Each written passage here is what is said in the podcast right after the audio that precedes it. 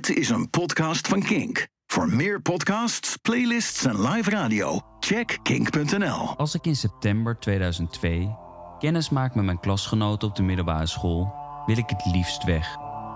Ik voel me niet thuis tussen de grote zwarte truien met anarchistische teksten. Rugtassen versierd met spikes en patches van punkbands. Meisjes met gitzwarte make-up die zichzelf gothic noemen. Skateboards en schoenen die drie keer zo breed zijn als mijn Puma Sparko's. Van mijn ouders moet ik het tot de kerstvakantie een kans geven. Een advies waar ik ze tot op de dag van vandaag dankbaar voor ben. Ondergedompeld in een diversiteit aan subculturen begint mijn ontdekkingstocht in de muziekwereld. Een wereld vergelijkbaar met het verkavelde Nederlandse polderlandschap.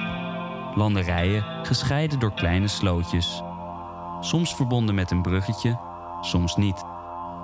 Wanneer je zo'n brug mijt, is het moeilijk er te komen en ervan te houden. Maar wanneer je je best doet, zal een wereld voor je opengaan. Soms zal deze beter passen, soms minder. Maar als je het avontuur aangaat, zal je merken dat ieder kavel wat te bieden heeft. Van jazz tot house en van postpunk tot hip-hop. In deze podcast neem ik je mee in die werelden. Van pioniers tot gloriejaren en van totale afbraak naar een ware herbeleving. Mijn naam is Floris Hendricks. Welkom bij Nootjes, een reis door subculturen en genres.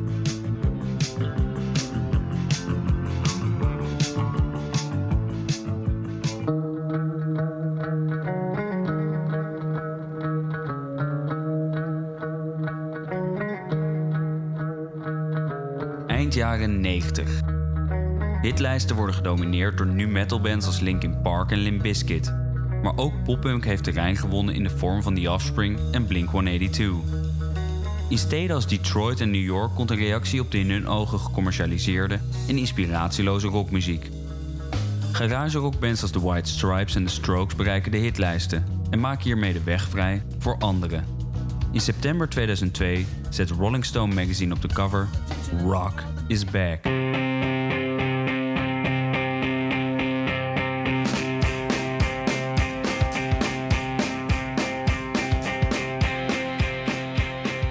Garage rock uit de jaren 60, gecombineerd met postpunk elementen uit de jaren 70 en 80, vormen de basis van hun sound.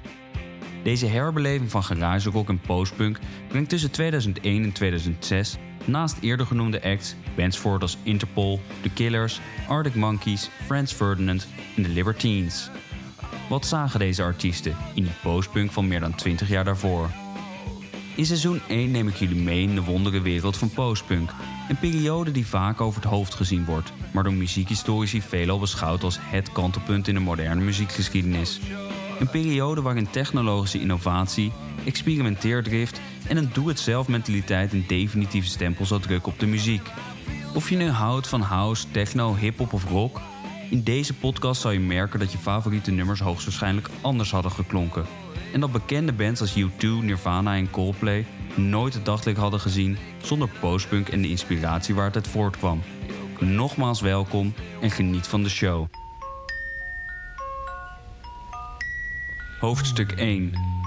De doe-het-zelf mentaliteit. Postpunk bands bezaten over het algemeen een sterke behoefte om alles zelf te doen. Van componeren en productie tot hoesontwerp en distributie. De artistieke vrijheid die men zich toebedeelde kwam niet uit het niets. Om de oorsprong hiervan te achterhalen moeten we verder terug in de tijd. 13 jaar voor het begin van het genre, naar het jaar 1965. Naar de wereld rondom popart kunstenaar Andy Warhol. Did someone say soup?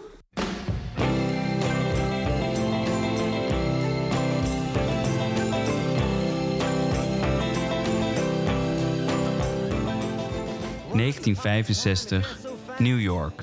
Greenwich Village is dé wijk. De folkmuziekscene viert er zijn hoogtijdagen met artiesten als Bob Dylan, Joni Mitchell en Simon Garfunkel. Intussen proberen andere artiesten in het midden van de jaren 60 de rock and roll van de jaren 50 verder te brengen. Maar New York doet op dat moment niet mee in deze race en vormt absoluut geen zwaar gewicht in de arena.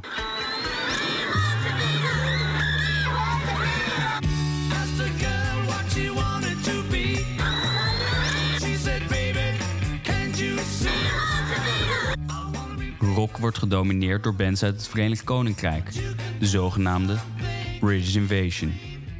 De Beatles hebben twee jaar voor naam gemaakt, bestijgen inmiddels de hitlijsten samen met bands die hen snel volgden. De Kings, de Rolling Stones, de Zombies, de Animals, de Who. Amerika is in de ban van de Britse sound.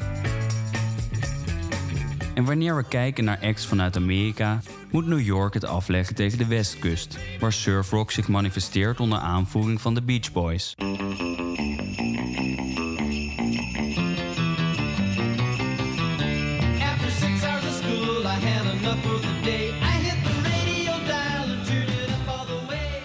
Het verminderde vermogen van New York om concurrentie te bieden tegen het opkomende Californië begon al eind jaren 50. Met het vertrek van maar liefst twee National League honkbalclubs. De Dodgers verruilen Brooklyn voor Los Angeles en de Giants verlaten Upper Manhattan om zich te vestigen in San Francisco. Als in 1965 de federale immigratiewet wordt aangenomen, die het gemakkelijker maakt voor buitenlanders om zich in New York te vestigen, ontstaat er een toestroom van migranten. Veel oorspronkelijke bewoners van de stad trekken weg richting de westkust en de suburbs, waardoor het sociaal-economisch verval doorzet. Werkloosheid stijgt, wijken raken in verslof, traditionele industrieën als textiel en de haven verliezen terrein. Daarbij worstelt de stad met een groot aantal protesten. Zo heb je de demonstraties in Harlem, waar Afro-Amerikanen protesteren tegen het politiegeweld, de LGBT-gemeenschap in Greenwich Village, die strijdt voor gelijke rechten, en de vakbonden, die massaal de straat op gaan vanwege de hoge werkeloosheid en de slechte werkomstandigheden. Volkswijken transformeren langzaam in een regelrechte nachtmerrie van misdaad en drugs.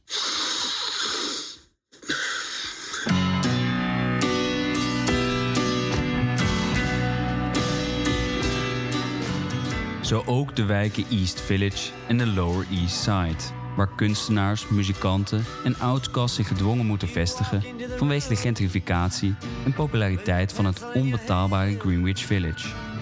In tegenstelling tot de surfrock uit de westkust, de British Invasion vanuit het Verenigd Koninkrijk en de folk rock revival uit Greenwich Village beschrijven muzikanten in de vervallen straten van de Lower East Side de wereld die ze voor zich zien, een duistere wereld. Met politiek georiënteerde teksten, doordrenkt van seks, drugs en geweld. Maar kaalslag is soms de enige manier om vruchtbare grond te verkrijgen.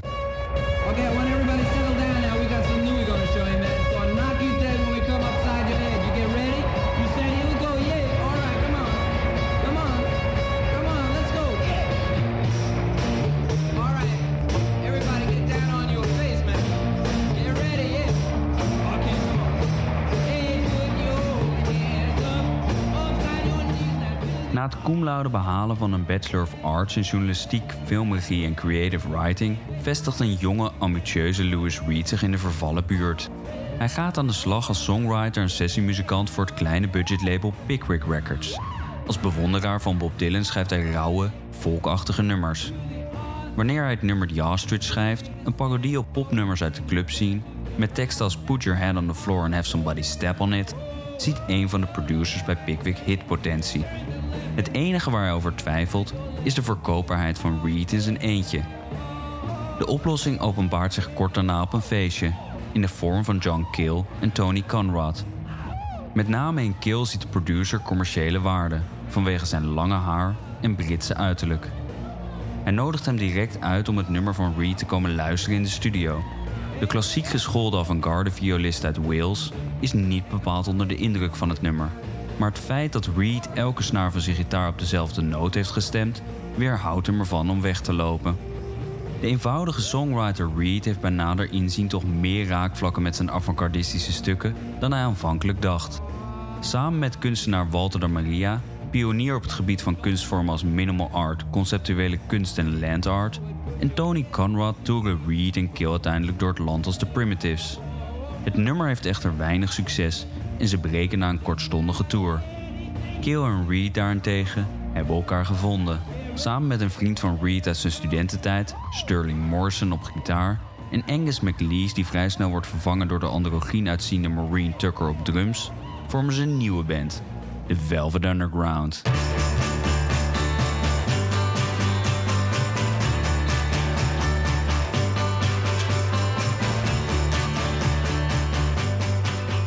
Beginnen met opnames in de loft van Kill in de Lower East Side. En wanneer Kill in 65 kort in het Verenigd Koninkrijk is, geeft hij een van de eerste demos aan de Britse zangeres Marion Faithful. In de hoop dat ze haar connectie met de Rolling Stones zou benutten. Niets van dit alles gebeurt. De demo verspreidt echter wel in de underground scene en onder Britse artiesten als David Bowie en de Yardbirds, die al nummers coveren voordat ze werkelijk zijn uitgekomen. De demo bevat de rudimentaire versies van nummers als I'm Waiting for the Man, All Tomorrow's Parties, Venus in Furs en Heroin. Alle geschreven door Reed. Ondanks de tegenslag bij het vinden van een recorddeal blijven de Velvets oefenen en optreden. Onder invloed van Kill verandert de sound meer richting experimentele garage rock. Hij houdt niet van de folk music uit Greenwich Village. De harmonica verdwijnt en maakt plaats voor drums. En daar voegt hij avant-garde elementen aan toe. Denk aan hypnotiserende, droonachtige geluiden van een viool. Vanwege de afwezigheid van locaties om op te treden in de Lower East Side zijn ze genoodzaakt uit te wijken naar de folkclubs in Greenwich Village, waar een experimentele rock niet bepaald aanslaat. Het lijkt erop dat de Velvets een stille dood zullen sterven, tot een van de belangrijkste kunstenaars van dat moment komt binnenlopen, driftig op zoek naar een nieuw medium. Like ho, ho. Andy Warhol, take one.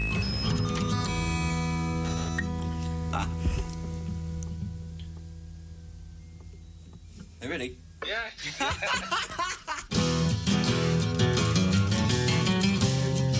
En dan zijn we eindelijk aangekomen bij de verlegen voyeur en illustrator van modebladen als Harper's Bazaar en Vogue, die midden jaren 60 is uitgegroeid tot een van de meest prominente figuren binnen de beeldende kunst.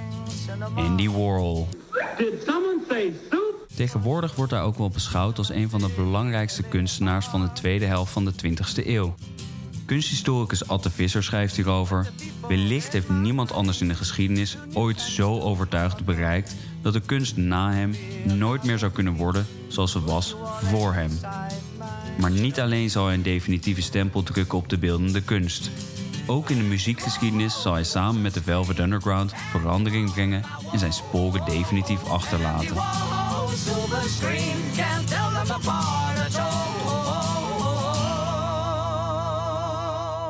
Wanneer Warhol in 65 besluit zich toe te leggen op projecten waarbij muziek, dans, film en performance art gecombineerd worden, is hij op zoek naar mensen die er meer bij kunnen helpen.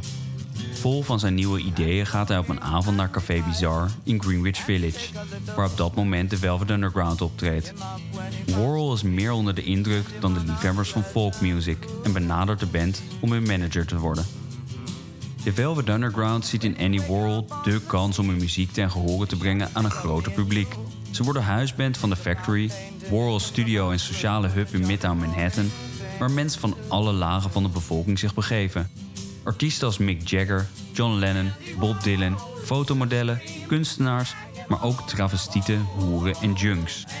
Alle ter inspiratie van voyeur Warhol.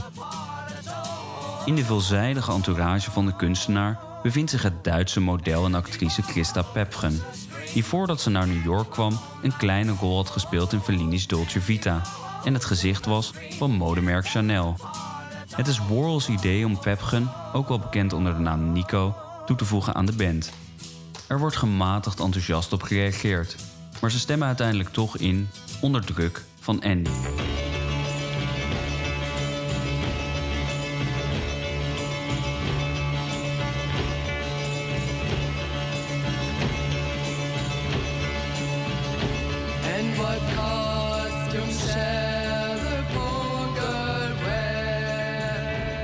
In april 1966 wordt Warhol's idee eindelijk werkelijkheid.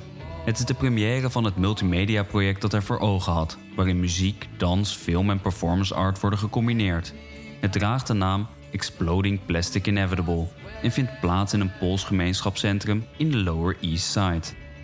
Warhol projecteert stomme films op de witte muur achter het podium. En terwijl het interieur verrijkt wordt met extra lichtfilters en diaprojectoren, filmt hij de band en performancekunstenaars vanaf het balkon. Als een ware regisseur, geheel in stijl met zijn kenmerkende zwarte zonnebril en grijskleurige pruik. De Velvet Underground speelt rauw en hard, terwijl Nico zingt als een klassieke chansonnière met een Duits accent. Een stroboscoop verblindt het publiek. Kunstenaar Gerard Malanga geeft een performance. Een nieuwe kunstvorm die daadwerkelijk zijn plek krijgt in de kunstwereld in de jaren 70. Hij heeft zijn armen ingebonden met leer en prikt met een ballpoint in zijn arm alsof hij zichzelf injecteert met heroïne. Intussen voorzien twee kunstenaars uit de factory het publiek van amfetamine door met een naald door hun kleren te prikken. We wisten allemaal dat er iets revolutionairs gebeurde, zal Warhol later zeggen. If you go where the hippies are, they will let you be what you want to be.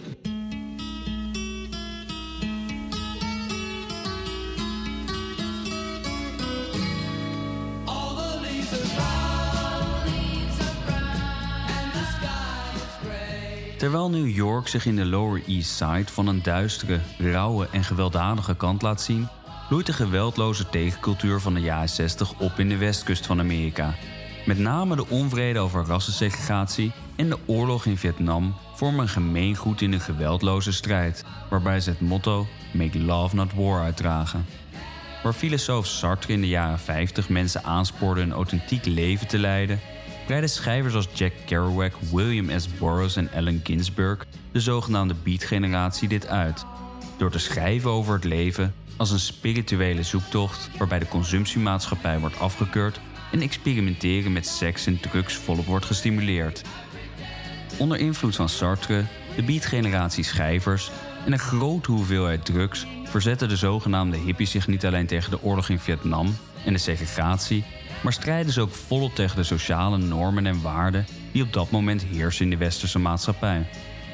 Denk aan de rol van de vrouw, seks, drugs, geaardheid, kleding, muziek en religie.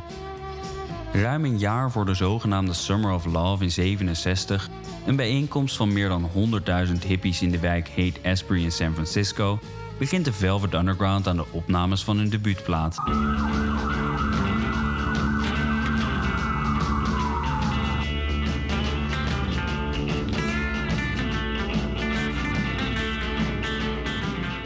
Opnames doen ze zonder platenmaatschappij. Warhol is van mening dat ze hun muziek meer als kunst moeten gaan beschouwen. Hierin zou geen ruimte zijn voor een compromis met een label. Zijn doe-het-zelf mentaliteit is op dat moment zeer ongebruikelijk in de muziekwereld. Alleen immense populariteit als dat van de Beatles biedt creatieve vrijheid. Of uiteraard een hoop geld. Maar Warhol is niet alleen een man van mooie praatjes. Hij sponsort de band voor de opnames en benoemt zichzelf tot producent. Al heeft hij met de opname en het album maar weinig van doen. Met uitzondering van het iconische ontwerp van de hoes natuurlijk. De witte hoes met een banaan in zijn kenmerkende fotozeefdruktechniek met de instructie Peel slowly and see. De instructie kan ook werkelijk uitgevoerd worden. Wanneer de bananensticker gepeld wordt, verschijnt een fluïserend oranje banaan zonder schil.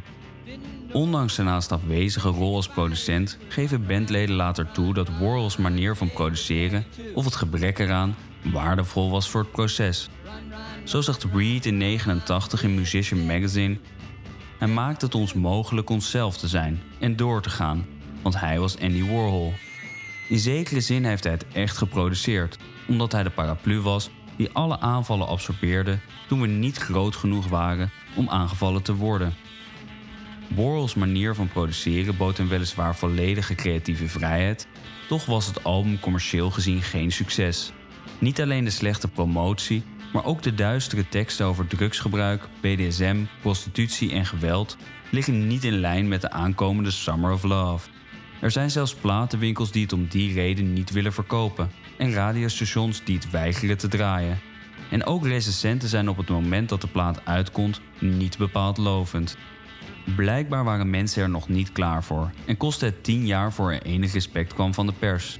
In 77 verschijnt in muziekblad The Village Voice een stuk van de hand van Robert Christgau, waarin hij begripvol spreekt over het proces tot waardering. Het klinkt in het begin misschien wat fragiel, rauw en pretentieus, maar tegelijkertijd houdt het nooit op beter te worden. En zoals het natuurlijk regelmatig gaat met revolutionaire veranderingen, is dat er in het begin eerder verontwaardiging en weerstand geboden wordt voor een situatie ontstaat waar we de tijd ervoor bijna niet meer kunnen voorstellen. Volgens Lester Banks, een van de meest belangrijke muziekcritici in Amerika, is het debuut van de Velvet Underground zo'n revolutie. Modern music starts with the Velvets, zei hij.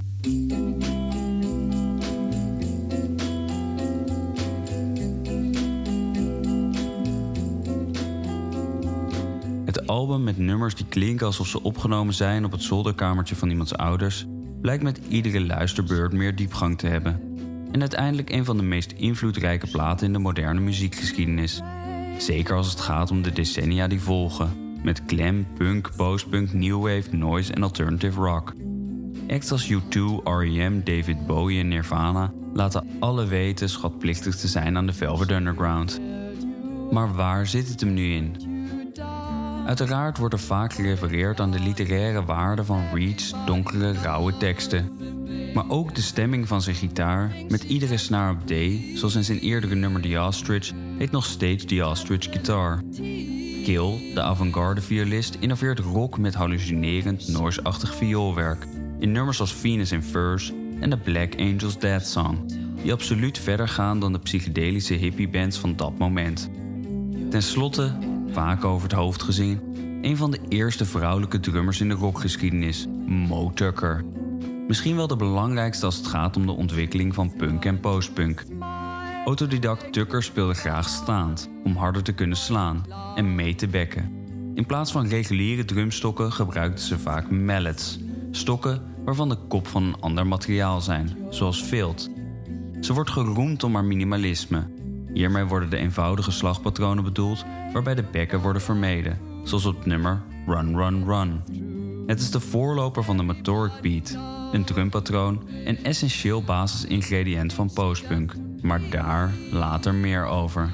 Naast de muzikale invloed zal de band bij veel beginnende muzikanten de angst wegnemen om zelf te beginnen. Een uitstraling van de doe-het-zelf mentaliteit van Warhol en een niet overgeproduceerde sound.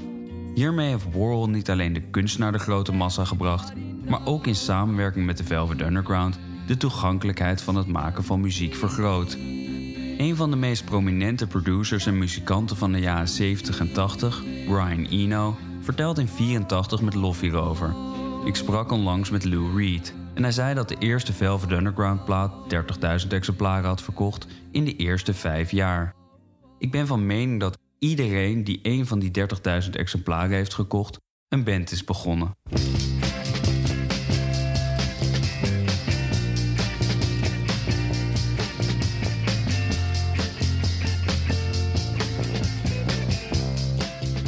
Later dat jaar wordt Andy ontslagen als manager, zodat de band zonder hem en overigens ook zonder Nico de opname kan beginnen van hun tweede plaat.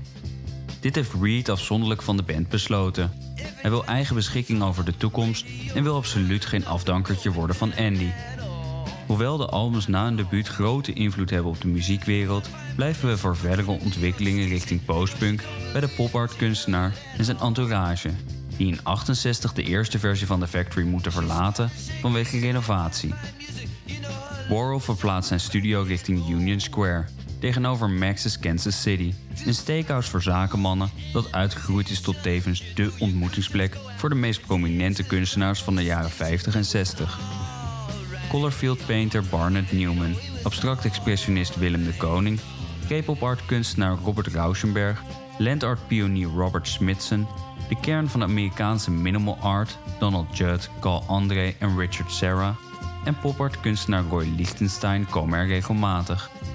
Maar niet alleen beeldend kunstenaars vinden hun plek in het zakelijke steakhouse.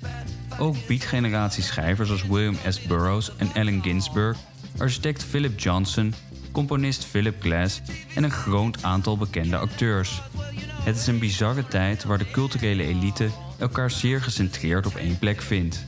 Als Andy met zijn entourage van hoeren, travestieten, drugsverslaafden, underground theatermakers, kunstenaars en muzikanten voor het eerst komt binnenlopen, is eigenaar Mick Rusking bang zijn klandizie te verliezen.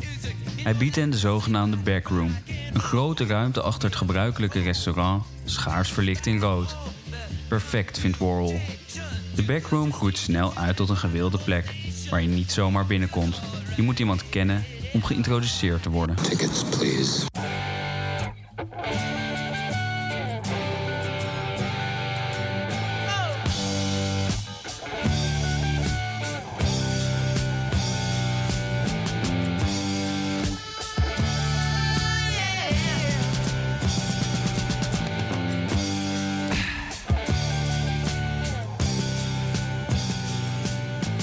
Na moordpoging op 3 juni 1968 door een tot waanzin gedreven medewerker van de Factory besluit Worrell zich te verwikkelen in de underground film- en theaterscene van New York. Andy werkt veel samen met regisseur Paul Morrissey, wat uiteindelijk leidt tot de film Trash. Geregisseerd door Paul en Andy verbindt opnieuw zijn naam eraan, zoals hij eerder deed met de Velvet Underground. In 71 gaat hij op tournee met zijn theaterstuk Pork, geregisseerd door Anthony Ingracia. Het stuk is gebaseerd op tape recordings tussen Worrell en een medewerker van The Factory. In het provocerende en seksueel getinte stuk spelen onder andere Patti Smith, die een aantal jaar daarna de godmother of punk zal worden, Penny Arcade en de travestieten Jackie Curtis en Bunny Eisenhower. Het stuk waarin gespeeld wordt met seksen, travestieten en vrouwen die mannen spelen met heftige make-up, zal David Bowie inspireren tot zijn alter ego Ziggy Stardust. Buitenaards, androgyn, met een oranje kleurige mat.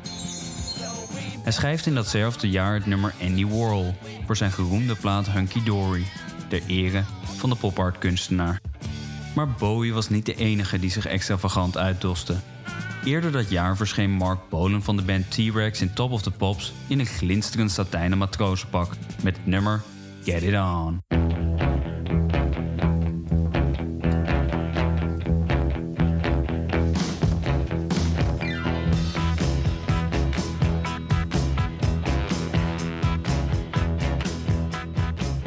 Hij was hiermee de grondlegger van de zogenaamde glam rock, waarbij uitzinnig flamboyante kostuums gecombineerd worden met theatrale rock'n'roll uit de jaren 50, suikerzoete bubblegum pop, science fiction en complexere experimentele rock.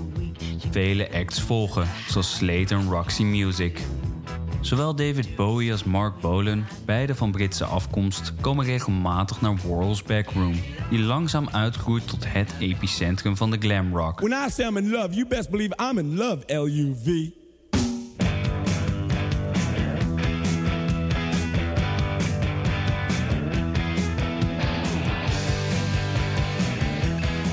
In diezelfde periode krijgt New York zijn eigen glamrockband, de New York Dolls.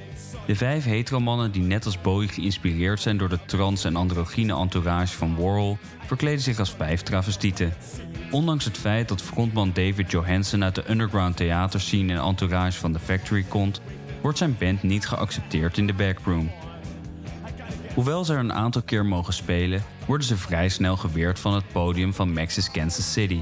Gitarist Sylvain Sylvain vertelt later over de grote rol die Lou Reed hierin speelde in een interview met modeblad Vogue. Ze hebben ons zeker niet met open armen ontvangen in Max's Kansas City, toen we daar speelden met de Dolls. Max's Kansas City was het territorium van Andy Warhol en de Velvet Underground. Daar waren echte drag queens, wij waren dat niet. We waren gewoon wat aan het spelen, vonden ze. Lou Reed heeft ons letterlijk gecanceld. Als tegenhanger van Max's Kansas City, waar steeds meer gesigneerde grote acts optreden, zoals Bruce Springsteen, creëert Eric Emerson, opnieuw een bekende uit de Factory, een nieuwe plek voor zijn eigen band The Magic Tramps. De keuze valt op de Mercer Art Center in de Lower East Side. In 72 regelen de New York Dolls hier een residency, waar ze velen zullen inspireren met hun motto Attitude over Techniek.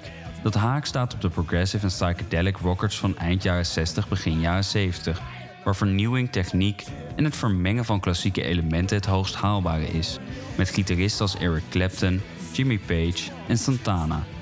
Je hoeft er niet meer eindeloos te oefenen, virtuoos te zijn met solo's van een half uur om een band te beginnen. 1, 2, 3, 4, 5, 6.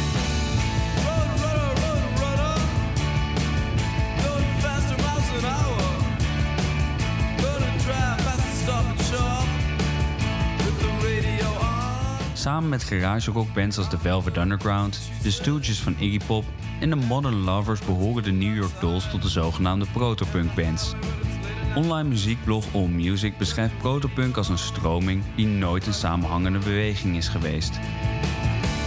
Wat protopunk volgens AllMusic met elkaar verbindt, zijn de provocerende teksten vol met taboes en vuiligheid van de maatschappij, die absoluut niet in lijn lagen met de hippies.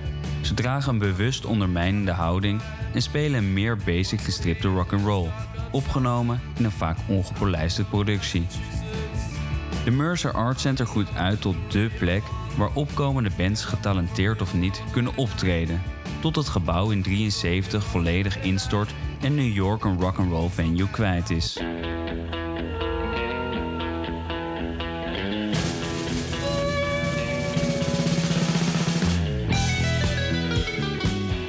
Met de Mercer Art Center in As zijn veel acts hun plek kwijt. Met name beginnend talent. Zo ook de protopunkband Television, opgericht door Tom Verlaine en Richard Hell, die na het zien van de New York Dolls in de Mercer Art Center de Neon Boys waren begonnen. En op aandringen van Terry Ork, wederom iemand uit de entourage van Worrell, een doorstart hadden gemaakt onder de naam Television. Ork, die in Television zijn eigen Velvet Underground ziet, biedt de band, inmiddels met Billy Ficca en Richard Lloyd, een loft om te oefenen. Terwijl de band zelf driftig op zoek is naar een residency. Hun oog valt uiteindelijk op een nieuwe bar in de Lower East Side, enige blokken van de ingestorte Mercer Art Center. De eigenaar weigert een residency wanneer ze vertellen rock te spelen. Hij wijst naar zijn zonwering waarop CBGB staat. Hij wil enkel country, bluegrass of blues. Ze gaan onverrichte zaken terug naar een loft.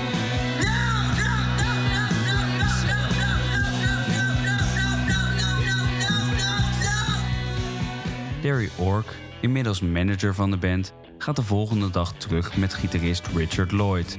Hij overtuigt de eigenaar met het volgende voorwendsel. Hij zal de omzet van de slechtste dag matchen met de beste, wanneer de omzet niet gehaald wordt. Stamgasten hoeven geen entree te betalen, het publiek dat ze zelf binnenhalen wel. Niet zonder succes.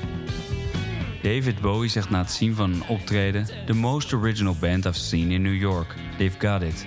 En David Bowie's gevoel voor talent laat hem niet in de steek. Van één dag gaat television naar drie dagen. En andere acts zoals Patti Smith, The Ramones, Talking Heads. En Blondie volgen snel.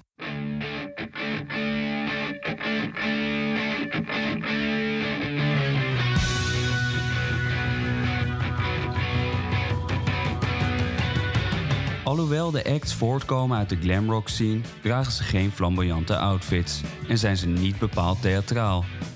Muzikaal gezien grijpen ze meer terug naar de minimalistische garage rock van de Velvet Underground en andere protopunk bands als The Stooges en The Modern Lovers.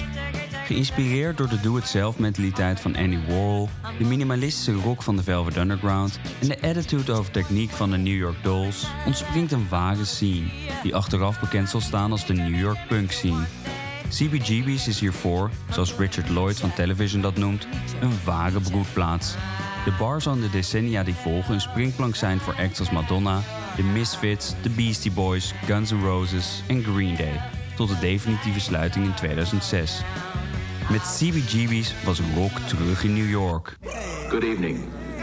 I have asked for this radio and television time tonight for the purpose of announcing that we today have concluded an agreement to end the war and bring peace with honor in Vietnam. Maart 1975. Nadat de Amerikanen de slag om Saigon hebben verloren, kondigt de Amerikaanse president Nixon het einde van de oorlog af. Hiermee verliest de tegencultuur uit de jaren 60 hun strijddoel. Het betekent het definitieve einde van de grote golf hippies in de westkust van Amerika. In diezelfde periode keren Malcolm McLaren en Vivienne Westwood terug naar Londen. De twee Britten hebben bijna twee jaar doorgebracht in New York, in de underground scene van de Lower East Side. McLaren heeft de New York Dolls de drie maanden ervoor informeel gemanaged op een tour rond New York, South Carolina en Florida, terwijl Westwood de band voorzag van kleding voor optredens. Eenmaal terug in Londen huurt het stel een klein deel van een winkel genaamd Sex op Kings Road. Vivian Westwood maakt anti-fashion voor excentrieke Londenaren. Zoals Prometheus het vuurstal van de goden en aan de mensen gaf, stal Malcolm New York punk en bracht het naar het Verenigd Koninkrijk. Hij is opnieuw manager van een band, genaamd Strand, en heeft hiermee een visie. Niet alleen muzikaal, maar ook activistisch. Het moet een band worden van anti-muziek, tegen de in zijn ogen verloederde jaren 60 en begin jaren 70. Van de hippies moet hij niets hebben. De anti-fashion van zijn vrouw Westwood en de punkmuziek moet dit anarchisme belichamen. De commerciële muziekindustrie is de vijand. Ze laten niets van het echte leven zien, volgens McLaren. Er wordt gezongen over liefde en feest, terwijl ze in werkelijkheid werkeloosheid en ongelijkheid ervaren. Punk zal het Verenigd Koninkrijk die werkelijkheid moeten tonen. Malcolm wil met zijn band deze strijd aangaan. De band heeft alleen nog een karakteristieke frontman nodig die hij uiteindelijk vindt wanneer er wordt geattendeerd op een excentrieke klant uit de winkel. Groen haar, Pink Floyd t-shirt met de tekst I hate erboven en beide mouwen zijn eraf gescheurd. Het blijkt John Lydon, in de Londense straten ook wel bekend als Johnny Rotten. In Malcolms ogen de perfecte kandidaat om zijn anarchisme uit te dragen. En hij doopt de band om tot Sex Pistols.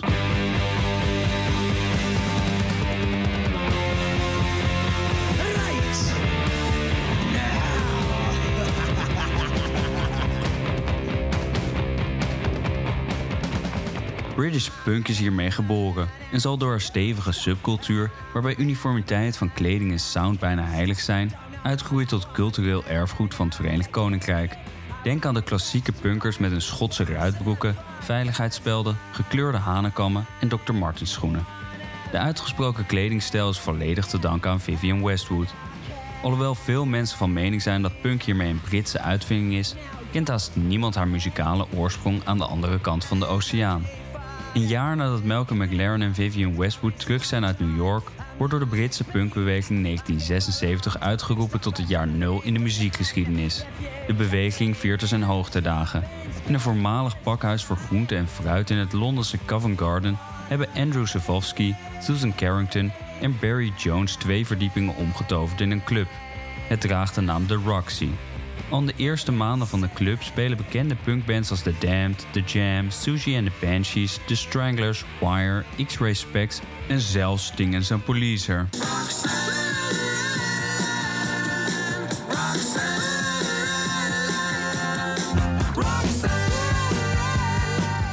Britse punkbands lijken het meest op de New Yorkse punkband The Ramones, waarvan de nummers zich kenmerken door een korte duur, snelle tempo en bijpassend schreeuwige of ongeïnteresseerde zang. De gitaar komt vaak niet verder dan een eenvoudig slagpatroon, waarin drie akkoorden worden afgewisseld. Het Engelse muziekblad Sideburns schrijft hier gekscherend het volgende over: This is a chord, this is another, this is a third. Now form a band. Toch is de sound geen directe kopie van de Ramones. Britse acts zullen sterk beïnvloed worden door de Londense pubrock scene, ook wel de Britse protopunk. En dan met name door de gitarist van de band Dr. Feelgood, Wilco Johnson. Hij leerde zichzelf een eigenzinnige techniek, waarbij hij gelijktijdig een slagpatroon en een melodie kan spelen.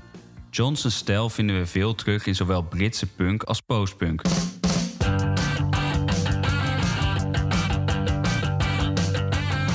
Geen van de Britse punkbands brengt een plaat uit in 1976. Commerciële labels worden vermeden. Het idee van Malcolm voor een beweging met antimuziek en het demystificeren van de muziekbusiness lijkt te lukken. Totdat in juli 77 Johnny Rotten roet in het eten gooit. Hij uit zijn frustratie over de voorspelbaarheid van de huidige punkbands bij de Punk and His Music op het Londense Capital Radio. Tot ergernis van McLaren en grote verbazing van de fans. Ook de keuze van muziek gedurende de show verwondert. Het idee is dat een artiest een afspeellijst maakt waarmee zijn of haar smaak uiteengezet wordt.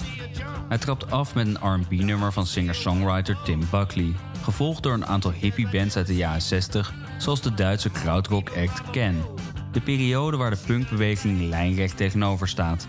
Verder toont hij grote bewondering voor reggae en dub.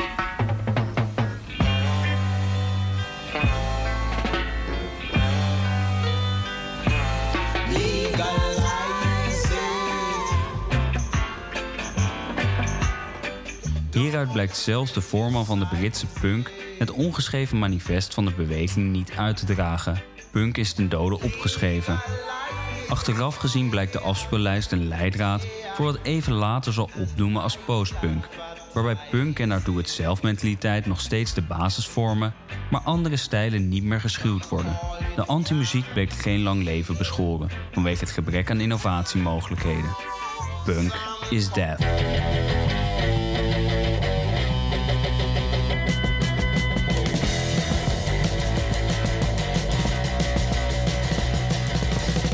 Maar dat betekent niet dat hiermee de strijd tegen de muziekbusiness gestreden is. Volgens muziekjournalist Simon Reynolds zetten de Buzzcocks de daad bij het woord en geven als punkband het startschot voor de komende postpunkbands om het doel van de punkbeweging te voltooien. Spiral Scratch inspired thousands of people to join the do-it-yourself release-it-yourself game.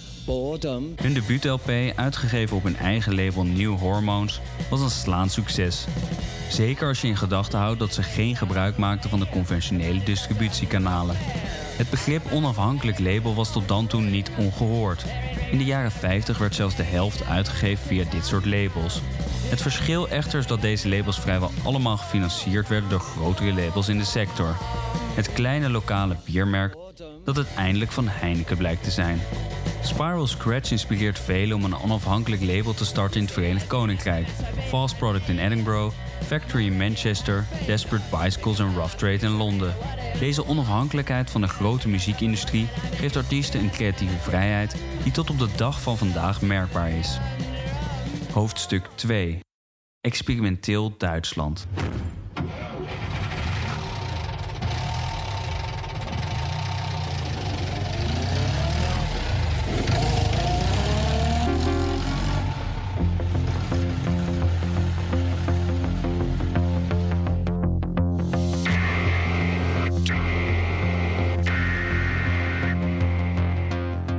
Verrijkende ambitie en ongebonden grilligheid van acid rock uit de late jaren 60 worden gecontroleerd en worden versterkt door een protopunk minimalisme, ontstaat muziek van immense schaal, die op wonderbaarlijke wijze de bombastiek van progressive rock vermeed.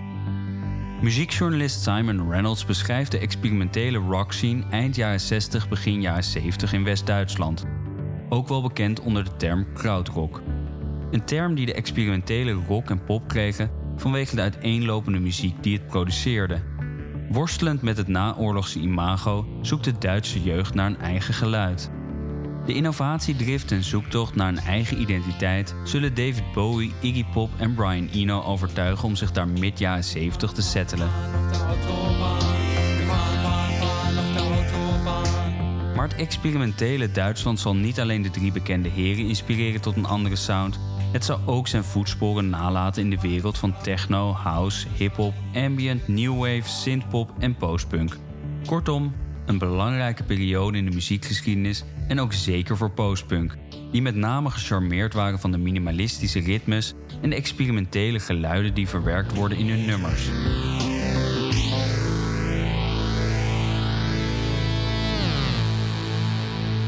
Om hun invloed beter te begrijpen, gaan we eerst richting Düsseldorf, waar twee kunstacademiestudenten, Ralf Huter en Florian Schneider, een band vormen. Kraftwerk. Waar de Velvet Underground met een minimalistische stijl kwam, verwijderd van de opsmuk van de jaren 60, ging Kraftwerk verder. Duidelijk geïnspireerd door Warhol en de Velvets zijn de eerste twee covers van respectievelijk Kraftwerk 1 en 2 een eerbetoon aan de pop-art kunstenaar en de band.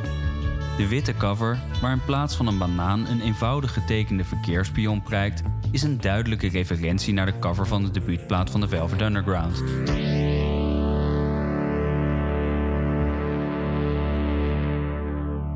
Om een nog meer minimalistisch industriële sound te bereiken, experimenteren ze met bestaande instrumenten, maar bouwen ze er ook zelf een aantal. Zo bouwen ze hun eigen elektrische drums en drumcomputer die in staat zijn om een mechanisch herhalende sequentie teweeg te brengen, passend bij de thema's van hun vierde plaat Autobaan, geheel gewijd aan de Duitse snelwegen, en hun vijfde plaat Radioactivity, gewijd aan radioactief verval en radiocommunicatie. In 77 hebben ze hun sound en vorm verder verfijnd met hun magnum opus Trans Europe Express.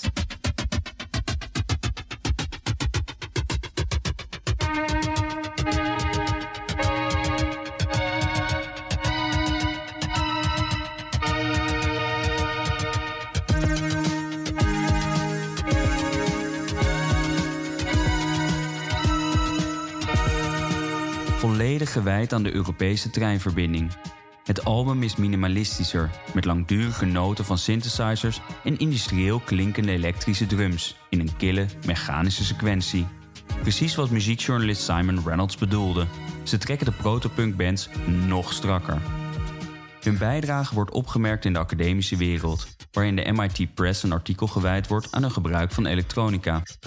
Wetenschapper Alexei Monroe prijst hen als eerste succesvolle artiest die industriële geluiden opnemen in niet-academische elektronische muziek. Maar niet alleen de wetenschappelijke pers prijst hun bijdrage. In 2005 schreef Tony Naylor voor het Engelse muziekblad NME... De Beatles en Kraftwerk hebben misschien niet dezelfde boxarena als de Beatles en de Stones... maar toch zijn dit de twee belangrijkste bands in de muziekgeschiedenis. Het doelt op de invloed van Kraftwerk op de moderne muziek. En die is enorm. Wat Warhol deed voor de kunst, deed Kraftwerk voor de muziek. Men kan de muziek na Kraftwerk nooit meer zo zien als daarvoor. Bijna alle populaire muziekstromingen zijn erdoor beïnvloed en hadden waarschijnlijk anders geklonken zonder hen. Waarbij elektronische muziek zoals techno de meest voor de hand liggende is. Maar ook in hip-hop, rock, indie, pop en postpunk zul je een gebruik van minimalistische drums, samples, synths en echo's terugvinden.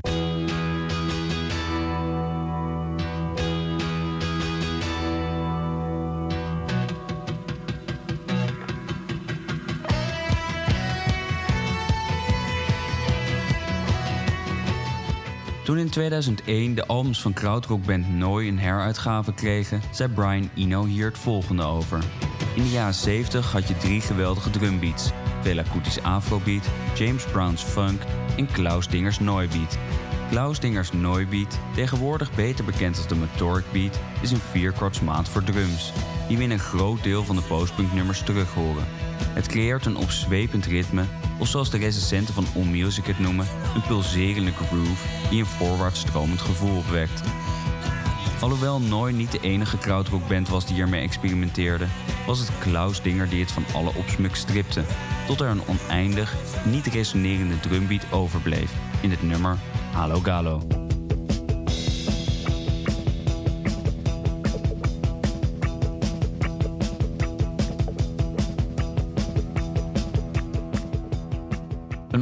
Oneindige sequentie zonder resonantie, waarbij de drums centraal staan. Voor acts als Nooi en Kraftwerk waren drums over het algemeen resonerend en naar de achtergrond verbannen. Als je goed luistert naar de rockmuziek van daarna, zal je opvallen dat de drums minder gebruik maken van backends en veel vaker naar de voorgrond getrokken worden.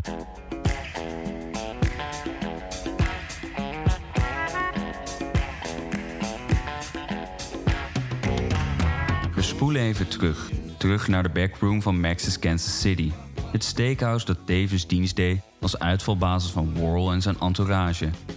Hier ontmoet David Bowie voor het eerst protopunkers Iggy Pop en Lou Reed.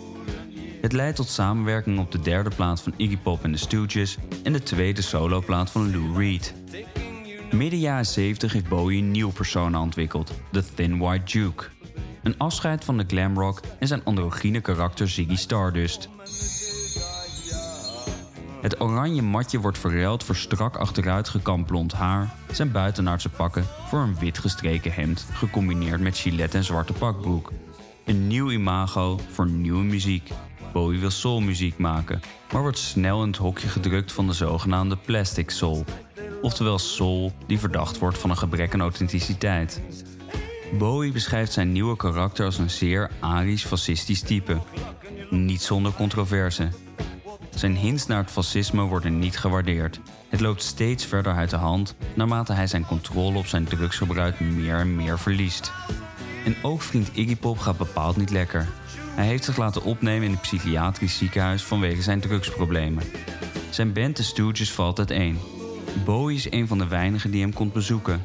Hij vraagt Iggy in 76 mee op zijn Station to Station tour, waarna de twee besluiten Amerika te verlaten en samen te gaan wonen in Berlijn, om van de drugs af te komen en hun carrière weer de goede kant op te krijgen.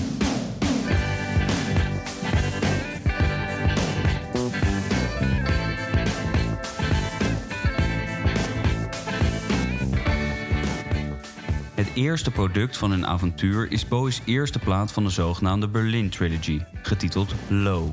Zwaar beïnvloed door Nooi en Kraftwerk experimenteert Bowie volop met synthesizers en de schone motoric beat. Het is zijn meest invloedrijke album van zijn carrière. Susie Goldring van BBC Music schrijft zelfs: Zonder Low hadden we geen Joy Division, geen Human League, geen Cabaret Voltaire en ik durf te wedden, geen Arcade Fire. Oftewel een grote invloed op postpunkbands. Bowie's biograaf Mark Speed staat met name op de vreemde anti-agressie van het album, dat we vaak terugzien bij postpunkbands de jaren erna. Muziekjournalist Simon Reynolds noemt het geïmplodeerde agressie. De tekst en muziek stralen een vorm van frustratie en agressie uit, maar de spanning mondt in geen enkele keer uit in een explosie.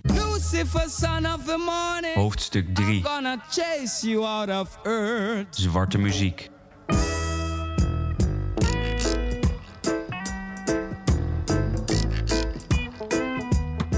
Nadat de Sex Pistols in 78 uit elkaar gaan en punk in het Verenigd Koninkrijk ten dode is opgeschreven, neemt Johnny Rotten met Richard Branson, directeur van platenlabel Virgin, een vliegtuig naar Jamaica om hem te consulteren op het gebied van reggae en dub. Dub is een non-vocale vorm van reggae waar meer nadruk ligt op de rhythm en bass beats. Het label wil een portfolio uitbreiden en de twee ontmoeten daarvoor de crème de la crème binnen de wereld van reggae en dub. Eenmaal terug begint Johnny Rotten een nieuwe band samen te stellen. Met gitarist Keith Levine van The Clash, de Canadese punkdrummer Jim Walker en bassist Joe Wobble vormt hij Public Image Limited. De band moet nog steeds het karakter hebben van anarchie, maar meer openstaan voor andere genres. De heren zijn alle vol van reggae en dub. De van oorsprong Jamaicaanse muziekstijl is volop te horen in de Londense buitenwijken, waar een grote Jamaicaanse gemeenschap zich huisvest en feesten houdt met torenhoge boomboxen op straat, in grote leegstaande hallen of thuis tegen betaling, de zogenaamde blues parties, een voorloper van de blockparties in New York, waaruit hip-hop is ontstaan. Gefascineerd door vernieuwende productietechnieken en stijlelementen van reggae en dub, zijn ze het unaniem eens over het feit dat de bas meer naar voren moet komen op de rhythm and bass manier van dub. En dat de bas bespeeld moet worden met oude snaren om de resonantie weg te nemen. Verder hoor je reverb terug in het gitaarspel van Levine, een complexe vorm van echo, veelal te horen in reggae, zoals in dit nummer van King Tubby.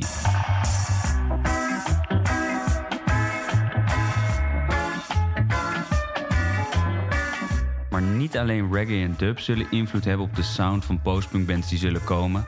Ook zal er inspiratie gehaald worden uit soul, funk, disco en jazz. Hoofdstuk 4. Het begin.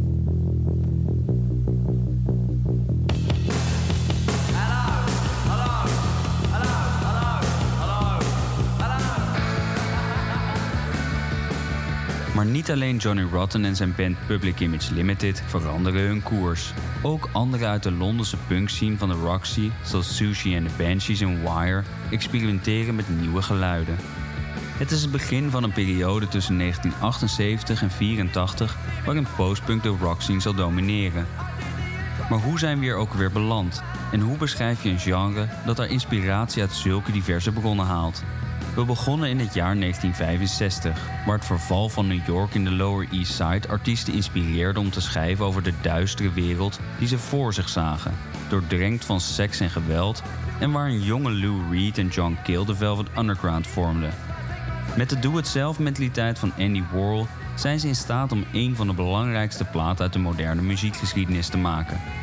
En ondanks het gebrek aan commercieel succes en dat er geen directe scene omheen ontstond, inspireerden ze velen tot het starten van een band. Onder invloed van Mark Bolan van T-Rex en de transseksuele theaterentourage van Warhol ontstaan zowel in de UK als in de VS een glamrock scene, waarbij de New York Dolls meer acts zullen inspireren tot het vormen van een band met een attitude over techniek. Ze regelden een residency in de Mercer Art Center in de Lower East Side, waar een scene ontstond van opkomend talent dat vaak niet gesigneerd was bij een label. Toen de venue in 73 instortte, besloten de heren van Television dat het tijd was voor een nieuwe plek. CBGB's werd de geboorteplaats van New York City Punk. De tijdelijke informele manager van de New York Dolls, Malcolm McLaren, neemt de stijl mee naar het Verenigd Koninkrijk, waar hij het vermengt met anarchisme. Met de anti-muziek willen de Britse punkers iedere stijl voor 1976 verwerpen en de muziekbusiness demystificeren. Wat mislukt, doordat bands toch verleid worden door de commercie en aanvoerder Johnny Rotten er zelf ook niet in gelooft. Intussen zocht de jeugd in Duitsland tegen het einde van de jaren 60, begin jaren 70 naar nieuwe identiteit. Met hun experimentele drift zal muziek meer gebruik maken van elektronica en mechanische drumbeats zonder resonantie, in de vierkwartsmaat van de motoric beat. David Bowie vindt er zijn nieuwe sound en geluid en zal met zijn imploderende agressie velen inspireren. Ten slotte zorgt de reggae en dub voor een meer lijnende, niet resonerende bas, een meer aanwezige beat zoals de rhythm en bass en de reverb echo's op gitaren. Samengevat ontstaat postpunk uit drie pijlers. De eerste pijler vormt de basis, bestaande uit protopunk en punk, waarvan postpunkbands de do-it-zelf mentaliteit, de maatschappelijk en sociaal bewuste teksten en minimalistische sound overnemen. De tweede pijler is de inspiratie die postpunkbands vinden in experimenteel Duitsland. Terug te horen in mechanische drums in sequentie, de motoric beat, elektronica, experimentele geluiden als gebroken glas en Bowie's imploderende agressie. De derde en laatste pijler zijn de invloeden die gevonden worden in zwarte muziek, waarbij in eerste instantie met name vanuit reggae en dub de lijnende, niet resonerende bas en een prominentere beat worden overgenomen, maar later ook inspiratie gehaald zal worden uit soul, funk, disco en jazz.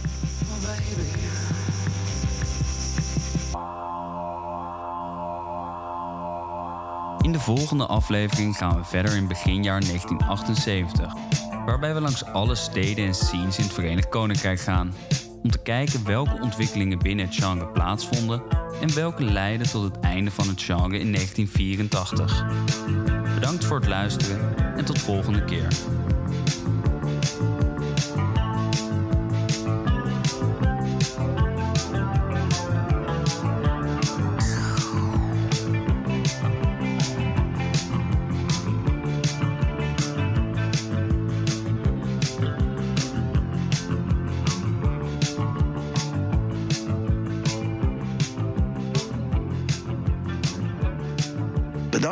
Luisteren naar deze Kink-podcast. Voor meer, check de Kink-app of kink.nl.